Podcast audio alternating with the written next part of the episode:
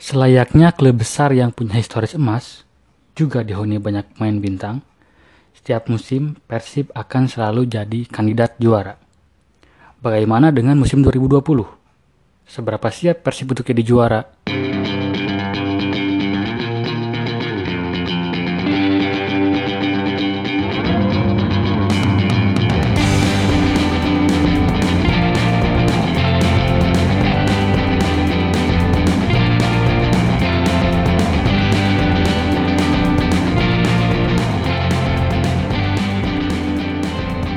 Assalamualaikum warahmatullahi wabarakatuh.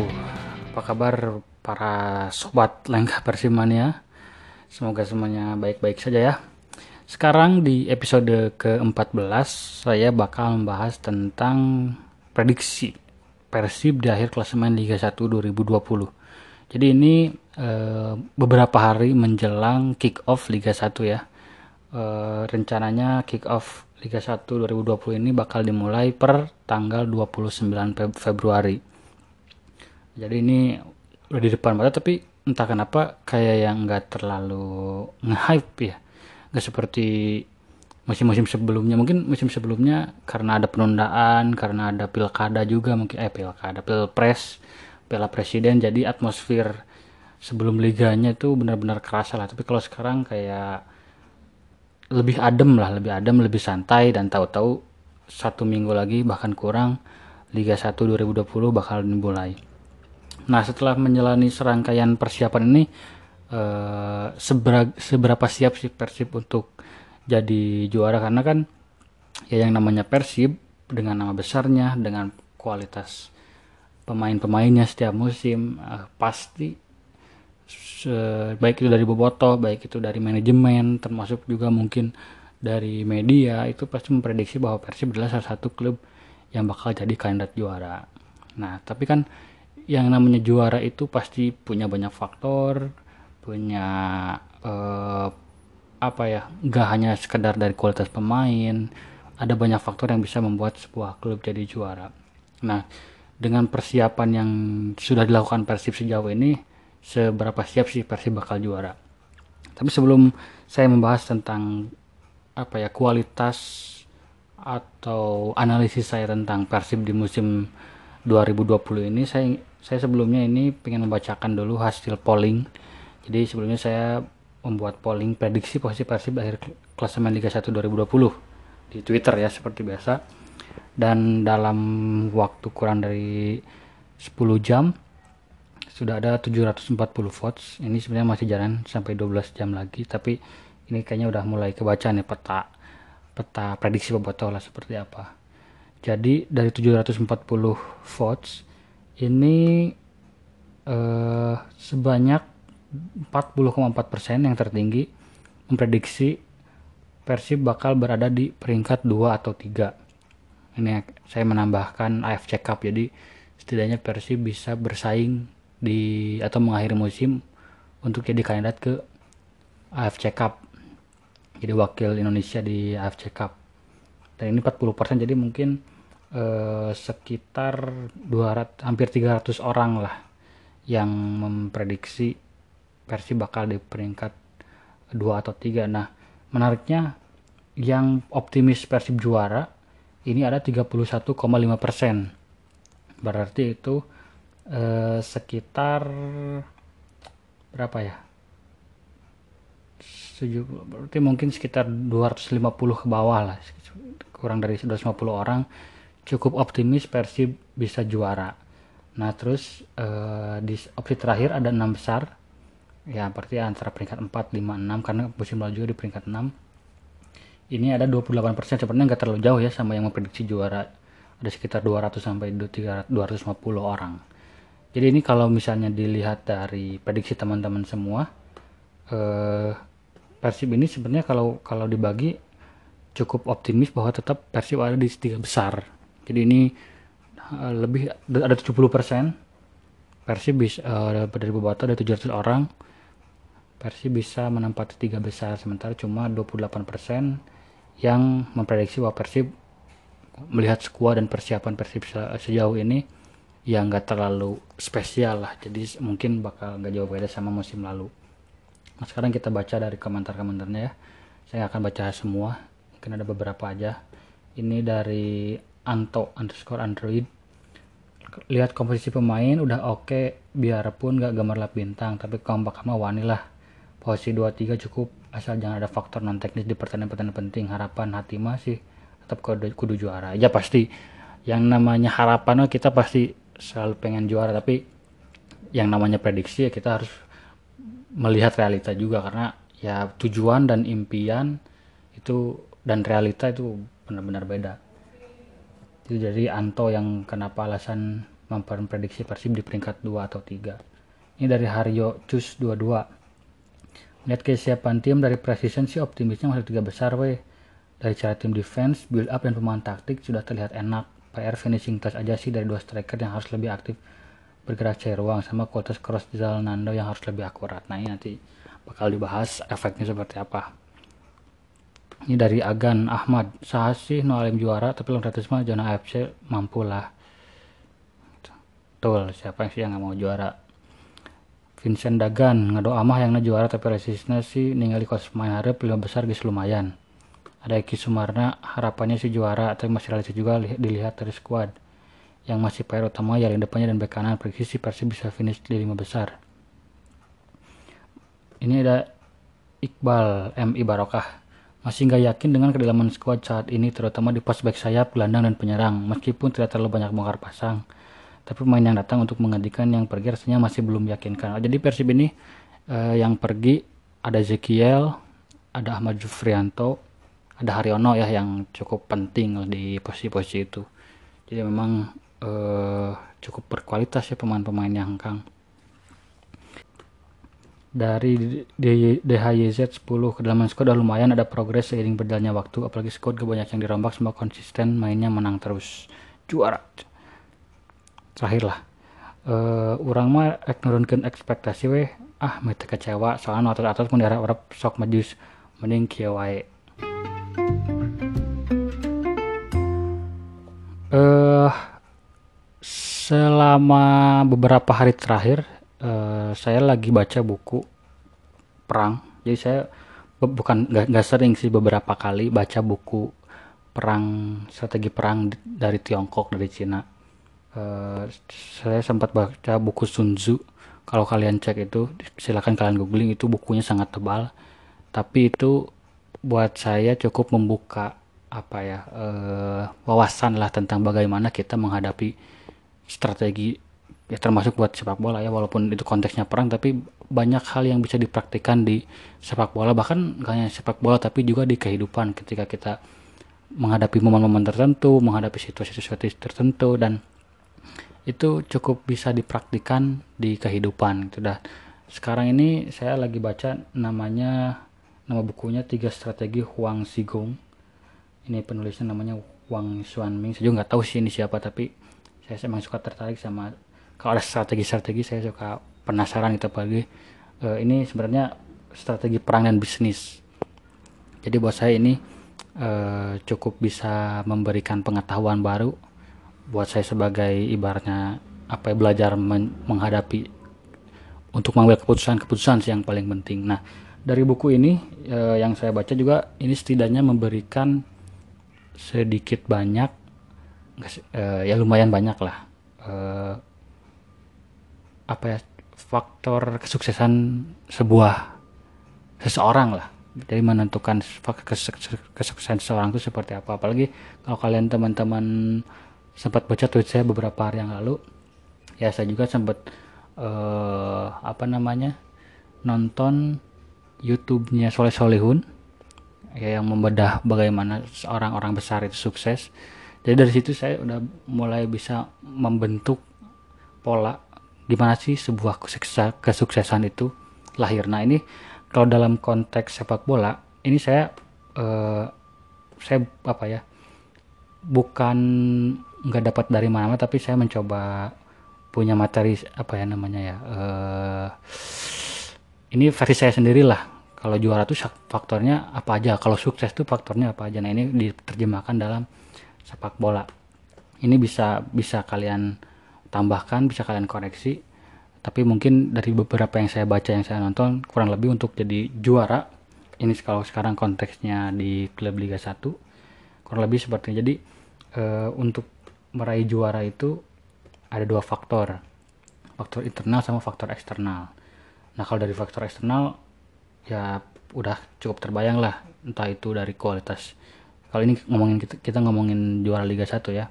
Kualitas dari tim lawan kualitas dari uh, misalnya pertandingan itu seperti apa cuaca lapangan itu faktor eksternal. Se segimana kita atau misalnya dalam konteks ini Persib bisa menghadapi itu itu yang bakal menentukan Persib bisa juara atau tidak. Itu dari faktor eksternal. Uh, kalau soal saya sekali lagi pengen menegaskan ya kalau soal misalnya ah, ini Liga 1 settingan Liga 1 eh, juaranya udah diatur dari awal. Saya sekali lagi bilang saya nggak percaya sama itu. Walaupun saya ada eh, kalau misalnya ada jual beli pertandingan nah itu mungkin saya bakal agak mempertimbangkan antara ya atau dan tidak. Saya nggak berani bilang enggak dan saya juga nggak berani bilang iya tapi saya dengar celentingan bahkan dari pihak-pihak yang saya cukup yakin bahwa mereka ini uh, apa nggak mungkin bohong lah. Kalau jual beli pertandingan ada tapi bukan dalam konteks ibaratnya siapa yang jadi juara. Kalau itu konteksnya misalnya dari segi finansial. Tim A kurang duit uh, akhirnya bisa menjual pertandingan ke klub yang punya lebih banyak duit. Itu praktek itu biasanya ada. Dan itu saya dengar dari dari Liga 2 Liga 3 sih. Kalau Liga 1 saya nggak tahu. Makanya saya nggak berani bilang kalau di Liga 1 itu jual beli pertandingan ada atau enggak tapi kalau soal siapa yang jadi juara itu saya berani bilang kalau Liga 1 ini nggak ada settingan nggak ada diatur juaranya itu nggak ada.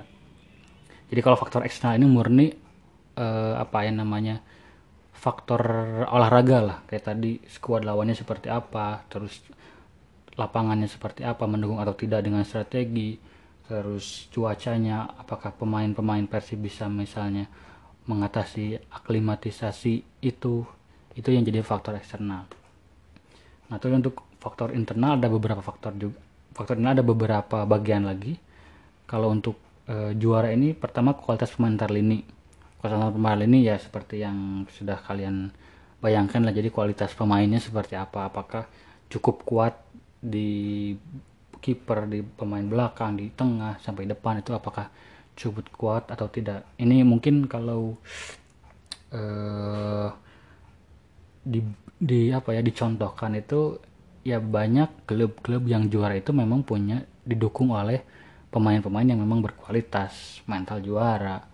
Ya nggak nggak asal pemain seadanya terus bisa juara. Mungkin uh, Leicester City pernah juara tahun 2016 itu uh, memang pasti akan ada momen-momen seperti itu tapi itu anomali lah. Dan itu kemungkinannya nggak nggak misalnya nggak ah ya Leicester City pernah juara kok dengan skuad seadanya jadi Persib ke skuad seadanya wes siap juara. Nggak nggak bisa seperti itu. Itu tetap ada faktor Claudio Claudio Ranieri yang memainkan sepak bola uh, long ball direct footballnya. Kebetulan waktu itu uh, berkontradiksi dengan jadi anti anti strategi uh, klub-klub Premier League waktu itu. Terus klub-klub Premier League waktu itu juga lagi uh, dalam masa transisi pelatih-pelatih baru Jurgen Klopp Pep Guardiola masih uh, meraba-raba Premier League. Jadi kebetulan itu lahir ketika memang dipersiapkan dengan baik. Ranieri memang pelatih baru juga tapi uh, dia kebetul uh, bukan kebetulan. Dia bisa memaksimalkan pemain-pemain yang ada dan cocok dengan strategi itu. Beda dengan misalnya Pep Guardiola yang ketemu pemain-pemain yang gak cocok sama strateginya. Back sayap dibongkar semua baru akhirnya bisa juara di musim berikutnya. Jurgen Klopp butuh berapa musim sampai akhirnya sekarang gak terkalahkan. Ranieri waktu itu 2016 uh, eh, dia dapat pemain yang cocok pas dengan strateginya dan itu yang bikin bisa uh, Leicester City juara jadi kebetulan itu di tetap tetap tetap ada persiapan tetap didekati uh, dengan pendekatan yang tepat juga oleh si Ranieri lah jadi kalau yang dibilang Leicester City juara beruntung benar beruntung tapi mereka punya faktor-faktor lain yang membuat kenapa keberuntungan itu menghampiri mereka. Jadi kualitas pemain tetap bakal menentukan klub tersebut juara atau tidak. Terus uh, selanjutnya nomor dua adalah kedalaman squad. Uh, kalau misalnya lihat Bali United terus Persija mereka uh, kedalaman skuadnya ketika juara itu sangat bagus di belakang pemain absen uh, di back misalnya uh, Bali United gak ada William Pacheco masih ada Gunawan Dwi Cahyo yang benar jadi apa ya pemain-pemain yang bisa ketika dia mereka absen bisa step up level dan menjaga kualitas tim tersebut. Di gelandang berawan berawan beberapa, beberapa kali absen masih ada M. Taufik masih ada Fadil Sausu. Ada gelandang-gelandang yang bisa menjaga kualitas tim. Persija juga kayak gitu.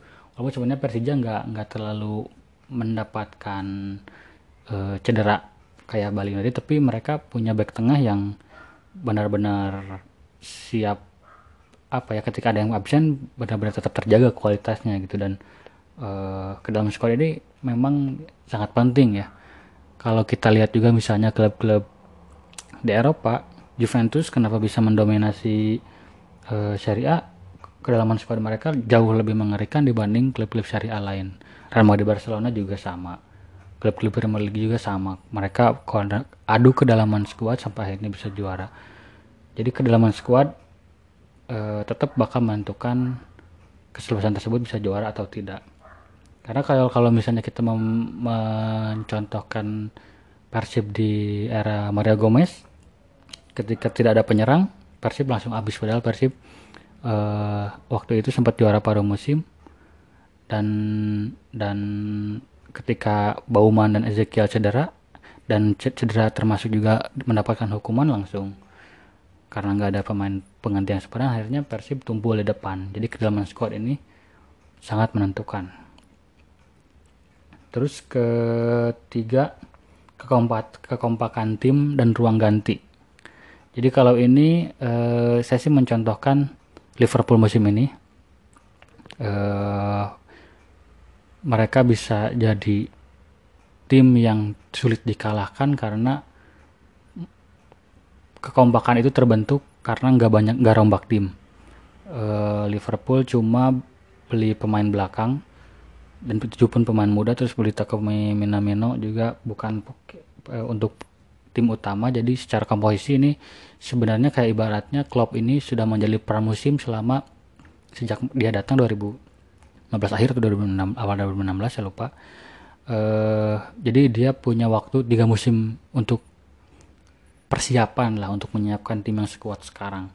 Terus di ruang ganti juga Klopp dengan tipikal pelatih yang bisa menjaga harmonisasi tim motivasi pemain itu jadi keuntungan buat Liverpool. Sampai akhirnya sekarang kuat. Dan saya juga terba eh, teringat soal kekompakan ini waktu saya wawancara Atep Persib 2014 itu kata Atep kekompakan timnya sangat luar biasa e, ibaratnya kata kata kata dia e,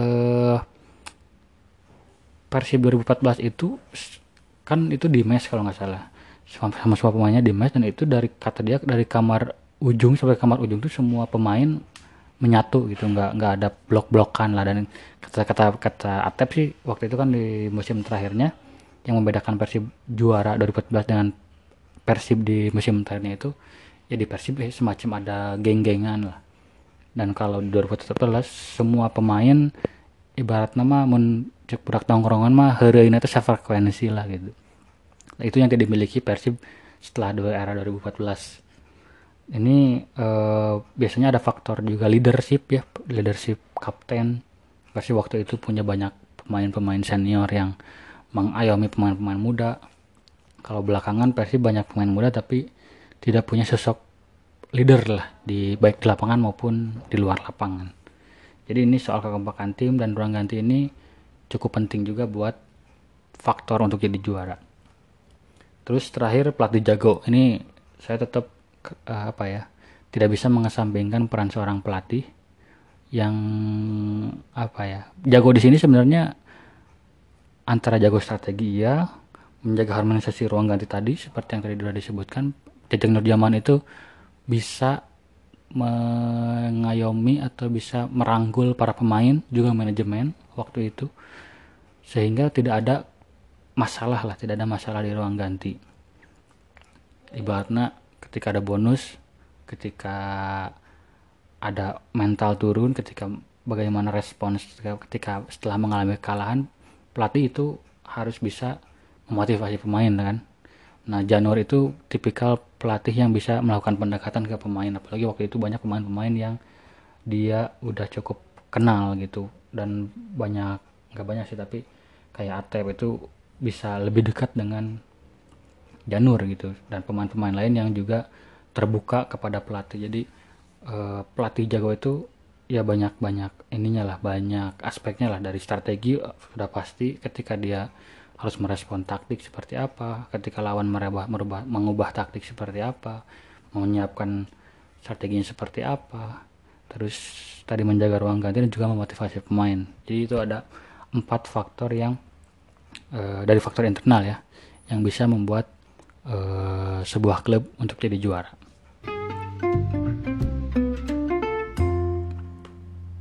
Nah dari faktor-faktor tadi dengan persiapan dan kualitas skuad Persib ini Persib sebenarnya ada di mana sudah memenuhi memenuhi nggak Persib untuk jadi juara dengan faktor-faktor tadi.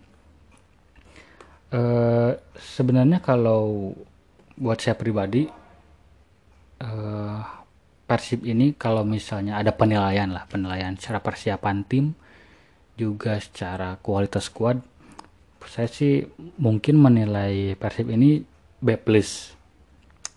Untuk A nya untuk ibaratnya klub-klub yang ibaratnya secara kualitas pemain oke okay, pelatih secara kualitas pelatih oke okay, secara persiapan pemain secara persiapan oke okay, karena uh, apa ya beberapa klub itu udah melakukan perekrutan pemain jauh sebelum Eh, klub-klub lain misalnya melakukan pembelian atau melakukan perekrutan pemain. Uh, itu membuat mereka setidaknya sudah satu langkah di depan untuk mendekati juara mereka benar-benar serius buat juara. Mereka merekrut pemain-pemain yang tepat. Mereka sudah tahu harus merekrut siapa memperkuat yang mana membuang siapa itu sejak jauh sebelum pemain-pemain eh jauh sebelum klub-klub lain melakukan itu.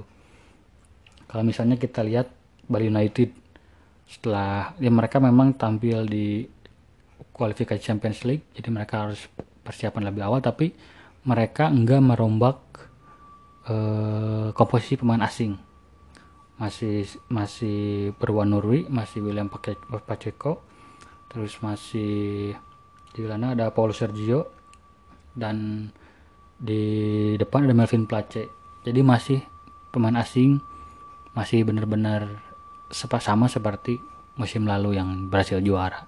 Ini setidaknya memudahkan uh, Stefano Teko tidak apa ya memudahkan dia untuk tidak repot-repot lah untuk mengadaptasi taktik, mengadaptasi uh, cuaca, mengadaptasi bahasa ke pemain-pemainnya. Itu kenapa Bali United buat saya musim ini bakal jadi salah satu kandidat juara lagi.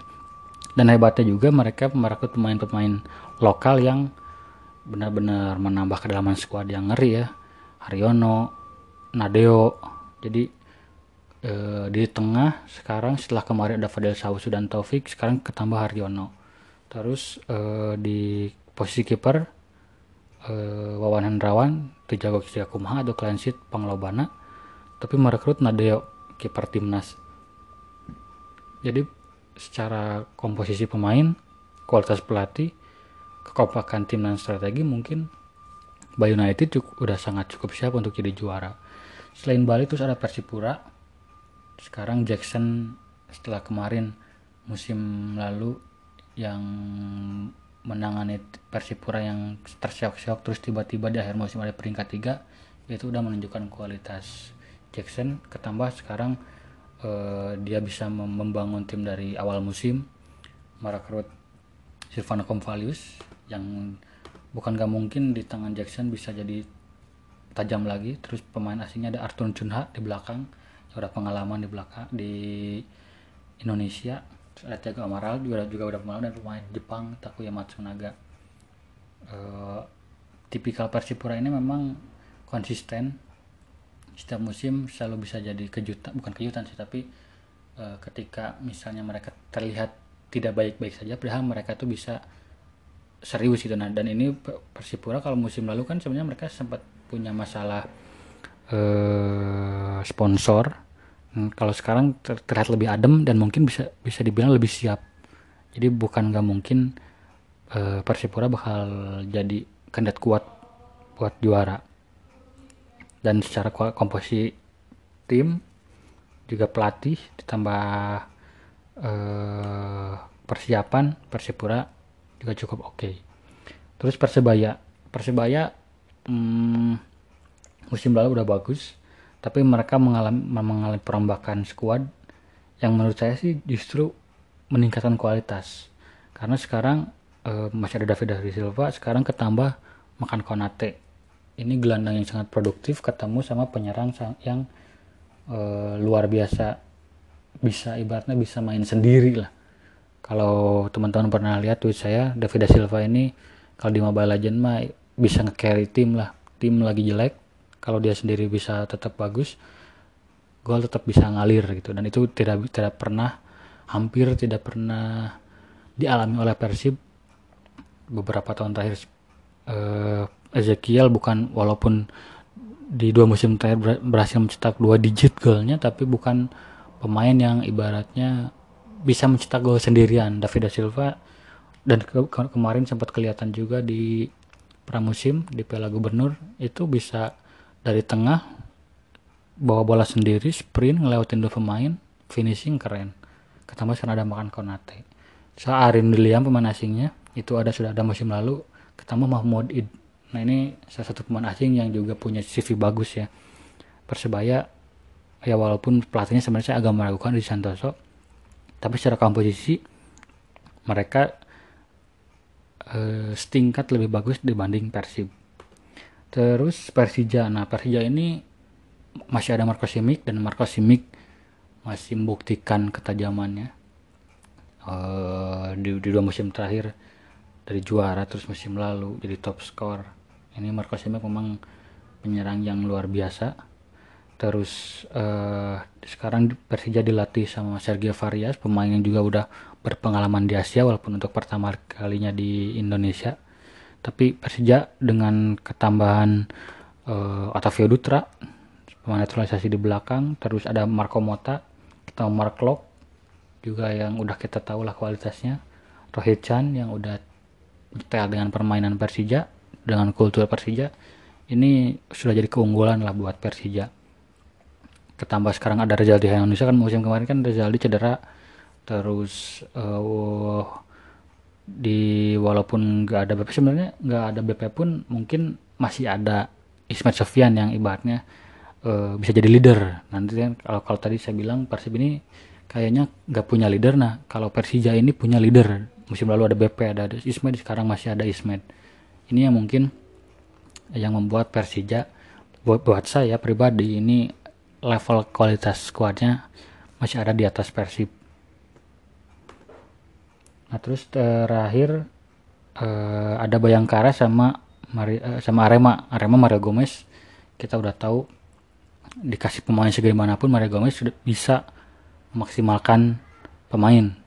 Di Persib dengan kualitas seadanya hampir juara. Di Borneo kemarin kalau nggak salah Borneo di atas Persib peringkatnya di akhir musim uh, ya eh di bawah nih sorry. Ternyata di, di bawah Persib tapi poinnya sama 51 poin tapi dengan kualitas kalau dibandingkan sebenarnya kualitas lebih bagus Persib. Tapi poin di akhir musim sama. Sekarang Arema punya skuad yang nggak terlalu mewah tapi uh, buat Mario Gomez cukup potensial lah karena banyak pemain lokal yang muda dan bisa bisa jadi apa ya meledak lah di bawah asuhan Arema. Ketambah ada Jonathan Bauman sama Oh In Kyun yang di Persib dia juga dilatih sama Mario Gomez jadi secara pendekatan strategi nggak akan terlalu rumit lah untuk adaptasinya. Ketambah alias Alderete itu penyerang Argentina umurnya 24 tahun. Itu Arema dapat dipinjem jadi bukan mulung lah ibaratnya. Benar-benar uh, rekomendasi Mario Gomez. Jadi ada klub saya lupa nama klubnya uh, klub Liga 2 Liga Argentina. Nah uh, Elias Alderete ini dipinjam statusnya karena kontraknya dia itu baru habis 2022 kalau nggak salah. Jadi Arema pinjem dengan usia 24 tahun. Jadi ini kebayang lah pemain yang masih bisa berkembang terus direkrut sama Arema sesama Argentina. Ini bisa bisa jadi pemain yang tiba-tiba langsung bagus sih buat di musim ini.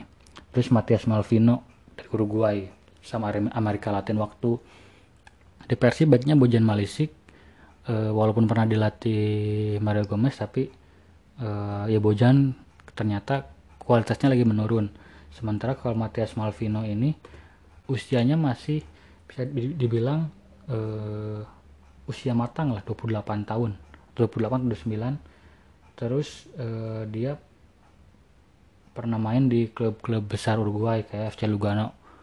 Itu klub bagus di Uruguaynya jadi secara komposisi Arema pun uh, cukup cukup oke okay lah. Jadi kalau dari faktor-faktor yang saya sebutkan di awal uh, Arema ini punya pelatih jago uh, terus pemain-pemain yang yang bisa meledak di musim ini di bawah suhan Mario Gomez. Terus terakhir Bayangkara.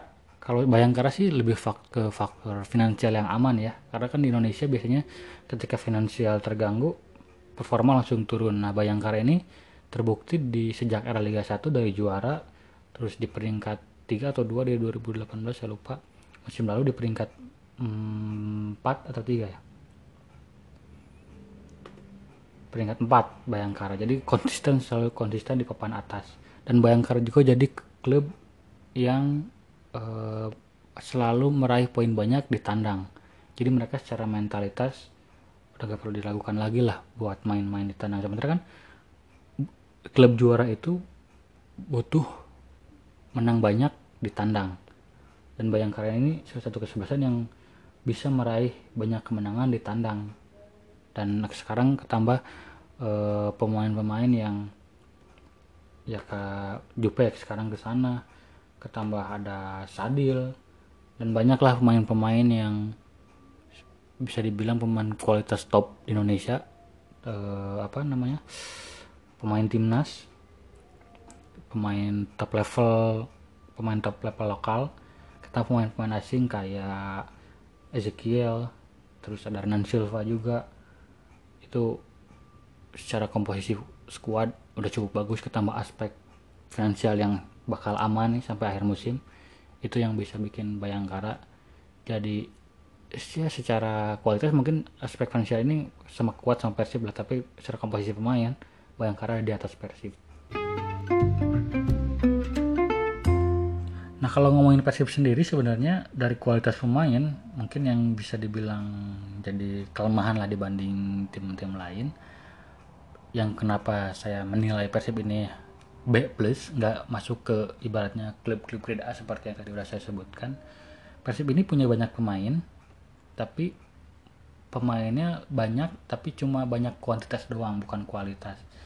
Uh, di posisi kiper mungkin aman karena ada Tejapaku Alam untuk jadi backup Imade atau mungkin sebaliknya Imade bakal tergusur sama Tejapaku Alam karena di beberapa uji tanding terus dipasang Raja Paku Alam sama uh, Robert Alberts. Terus uh, di sayap sekarang cukup aman karena Freds kemarin udah akhir musim kemarin udah bagus terus ketambah sekarang ada Zulham Zamrun. Ketambah ada Benny Okto yang saya mulai mengakui lah dia punya eksplosivitas yang cukup bagus walaupun levelnya enggak ya sampai mungkin saya memprediksi dia nggak akan sebagus Ardi Idrus. Makanya ketika kita meragukan Ardi Idrus ternyata dia kualitasnya Ardi Idrus kualitasnya bisa bersaing di papan atas lah bisa bersaing di uh, skuad utama dan bahkan sampai masuk timnas kan Ardi. Sempat dipanggil timnas. Tapi kalau Bani Okto apalagi dengan posisinya penyerang tuh saya, saya rasa nggak akan terlalu bisa memberikan impact besar. Tapi dia bisa jadi tambahan bagus lah buat buat Persib. Terus di posisi gelandang Deddy Kusnandar bakal bakal main sejak awal duet sama Omi terus ketambah ada Beckham yang kayaknya bakal jadi uh, breakthrough di tahun ini. Jadi tengah sama sayap rada aman. Mungkin yang Pika Hariwangen di back sayap sih. Back kanan uh, Robert Albert sampai nyoba Ardi Drus. Jalan di kiri dan sementara Nando Krasina parah pisan eh rada hariwangna eta sih sebenarnya jadi di posisi back saya Persib rada hariwang komo misalnya ada Ardidus akumulasi atau cedera terus Supardi misalnya benar-benar musim aina turun ya rada hariwang sih secara kedalaman squad. Terus eh, di komposisi penyerang Persib ya dua-duanya anyar. Eh Castillion Wonder Lewis kualitas individu mungkin oke. Okay. Castillion mungkin teman-teman udah dengar di episode sebelumnya Wonder Lewis eh, perlahan mulai menunjukkan kualitasnya walaupun belum terbukti bisa mencetak gol.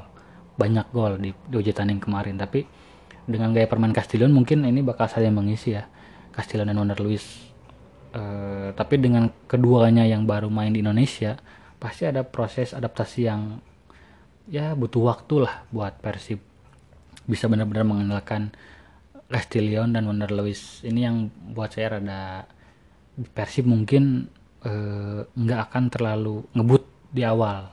Kita boleh Castillion kemarin sempat cedera jadi rada hariwang oke gitu. Kalau misalnya tiba-tiba ke Castillion cedera deh nah, terus eh, kelemahan Persib eh, Nusa Soroti hiji teh eh, soal tandang. Nah Persib itu ternyata setelah saya cek Persib itu ternyata ngan menang opat kali di tandang musim kamari. Lawan Borneo lawan Kalteng Persipura yang PSIS uh, bisa saya salah uh, koreksi banyak. Uh, sesana draw. Lebaran draw. Bahkan dibantai ku Arema jeng namanya? Persib eh Persebaya dibantai 4-0 kan. Ayo iya, ada tadi seperti bahas oke kan main di tandangnya bakal faktor penting ke juara gitu. Persib mungkin sih faktornya karena awal leadernya awal leader awal pemimpin di lapangan bisa menjaga mental terkan steam ya. 2014 lo pemain ayah, ayah Fujovic ayah Atep ayah Firman Utina ayah Bang Pari ada Emre Ridwan ada Toncip loba lah pemain-pemain bisa mental tetap terjaga ketika misalnya eleh ketika misalnya butuh ngagolkeun ketika misalnya butuh muda gol. Di Persib musim kemarin sih mungkin ya gue jadi salah satu faktor nah Persib di tanah rada melendoy lah gitunya. Dan musim Ayuna Kapten Iqbal Nevo karena Supade mungkin bakal kagusur oke ke rusak kanan eh ditambah pemain lain sah yang bisa jadi pemimpin. Jupe cabut Haryono cabut Imade meureun tapi Imade ge lain tipikal nu bisa memimpin sih kipernya. Iya sih nu rada pikari wangan oge soal mental bertanding.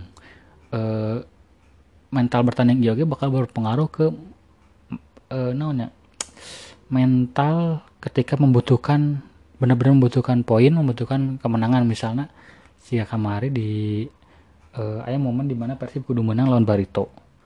Aya momen Persib kudu bisa ke peringkat tilu karena pemain mental-mental pemain Persib musim kemarin tidak cukup untuk bisa mewujudkan eta akhirnya Persib malah turun sampai peringkat genep dan dengan tidak ada banyak perubahan di musim Ayuna cuma menambah lima pemain eh lima atau genepnya jadi pemain-pemain yang didatakan ke lain tipikal-tipikal pemimpin sih. Bahkan Iqbal Nevono menurut saya sih lain pemimpin-pemimpin tingnya uh, sampai jadi kapten gitu ya mungkin jadi salah satu indikasi lah bahwa si Persib iya rada bermasalah untuk mencari sosok pemimpin di lapangan gitu. Kamu misalnya kayak Beckham Putra main masih kan ngora Freds, Benny Okto pemain anyar, Jalnando di kiri pemain anyar dalam tanda kutip, ya bisa men bisa jadi masalah oke sih di soal kepemimpinan dan menjaga mentalitas di lapangan.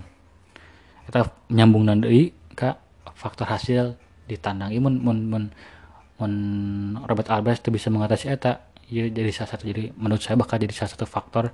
Nah Persib bakal rada hese lah di musim 2020 terus Persib itu kan sebenarnya eh, boga loba pemain naturalisasi Persib ya mun saya nyatat ya jadi klub anu loba pemain naturalisasi na ya opat. Kim uh, Iqbal Nevo Fabiano jeng hiji deui Esteban Vizcara tapi uh, nu mungkin bakal jadi pemain inti kan Vizcara jeung Iqbal Nevo. Ya, uh, ini termasuk pemain inti nu bisa dibilang uh, kumanya skillnya atau kualitasnya nyaker dalam tempo atau periode menurun teh lah ibaratnya lamun dina diagram eh diagram itu grafik mah pemain-pemain naturalisasi klub lain ke nanjak atau ke di luhur ya Iqbal Nevo jeung Vizcara ke menurun Fabiano ke menurun oge okay. bandingkan misalnya eh, jeng Lipali di Bali United Spaso terus Persija Otavio Dutra Otavio Dutra sih terbilang edek menurun lah tapi masih kena di luhur masih kena di peak performance.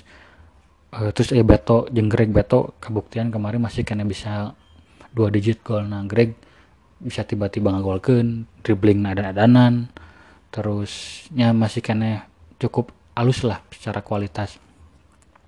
Terus PSM Boga Izrawalian nah secara usia masih kena bisa wani ngadu lah. Ibaratnya lamun pemain uh, harapna absen aja walian masih bisa ngesian terus bayangkara tadi saya tadi karek maca uh, rek naturalisasi gelandang berusia 30 tahun teh gini si Leo Jun. Nah iya secara kualitas pemain-pemain naturalisasi iya eker uh, ker peak performance atau eker masih kena naik gitu. Nah sementara versi pemain naturalisasinya ngan ngan unggul uh, kuantitas keturun-turun tapi saya sih si Gana prediksi saya si Vizcara ya bakal rada halus sih dibanding musim kamari. Soalnya di uji di uji tanding kamari yang selain selain gol kan uh, secara strategi cocok lah yang formasi 4-4-2 Robert Alberts. Ketambah tipikal Castellion lain finisher. Uh, jadi ya keras pemain sayap Vizcara jeng Fabri si Gana bakal uh, menguntungkan lah dua anak ini bakal ngagol kena ada loba. Jadi uh, lamun misalnya diprediksi mah prediksi saya ya mungkin persibnya paling tinggi peringkat dua atau tilu. Ya, siga bebotoh lah kemarin di polling. Uh, persaingan depan luhur persib sigana bakal rada kuat tapi biasa kayak menjelang pertengahan atau mungkin menjelang akhir musim mulai turun. Lain naonnya saya masih kan kurang lain kurang ser ada beberapa hal dengan tim lain Persib ya masih kurang gitu dibandingkan dengan tim lain gitu. Tadi dibahaskan di selama 40 menit tadinya hampir 40 menit ternyata 40 menit ya jadi ya tapi ya, ya lain pesimisnya realistis we realistis uh, ya tapi mudah-mudahan prediksi saya salah. Yang Persib bisa juara tapi ya kualitas Persib akhirnya sih gitu uh, skuadnya B plus klub lain masih uh, lebih cukup siap buat juara. Tapi sebenarnya uh, Persib ini mending menurut saya pribadi mending ngincar juara Piala Indonesia. Nah namun di Piala Indonesia Persib saya ada optimis Persib bisa juara sistem kandang tenang dia main di kandang berarti bisa jadi keuntungan. Karena walaupun misalnya kayak di tandang eleh bisa dibahas di kandang. Musim kamari eh, eleh ke Borneo tersikir ke Borneo kan itu si Robert Albert sekarang debutnya pertandingan pertama. Ketambah squad sayana squad lain squad Robert. Jadi eleh ku Borneo. Tapi lain eleh sih tapi eh, tilu dua eleh, eleh agregat gitu sebenarnya empat sama kan jadi uh, Robert Albers kuduna sih bisa atau mungkin bisa nonnya ningali peluang di Piala Indonesia ya kata kan kemari PSM juara uh, top skornya Zulham Zamrun nah mungkin si Zulham ya bisa jadi ya uh, pemain penting lah di Piala Indonesia bahwa yang melamun lawan tim-tim kan di Piala Indonesia lawan tim Liga Tilu lawan tim lawan tim Liga 2 ya secara kualitas Persib kudu bisa nganggulkan loba eta bisa jadi motivasi atau bisa jadi momentum ke pertandingan berikutnya gitu. Dan Zulham mungkin kabuktian lah bisa jadi top skor 10 gol. Nah ya mental-mental pemain kolot bisa tercapai lah ibaratnya lamun liga ya mental-mental pemain itu kan kudu terjaga terus tah sampai sa musim. Tapi lamun di turnamen mental naik turun masih kena bisa termaklumi lah elah di tandang bahas di kandang elah di tandang bahas di kandang bisa gitu gitu. Nah pemain-pemain kolot ya mungkin walaupun misalnya tanpa pemimpin bakal bisa. Kan Persib loba pemain kolotnya Bonevo Fabian, Fabiano Imade Spardi. Jadi uh, secara secara pengalaman ya dengan sistem kompetisi turnamen ya bakal lebih menguntungkan si ke Persib. Terus uh, nyata sih Persib sih karena bakal juara lah bisa juara karena di Piala Indonesia, mah dibanding juara liga. Tapi nya eta kan Piala Indonesia tinggal ya tinggal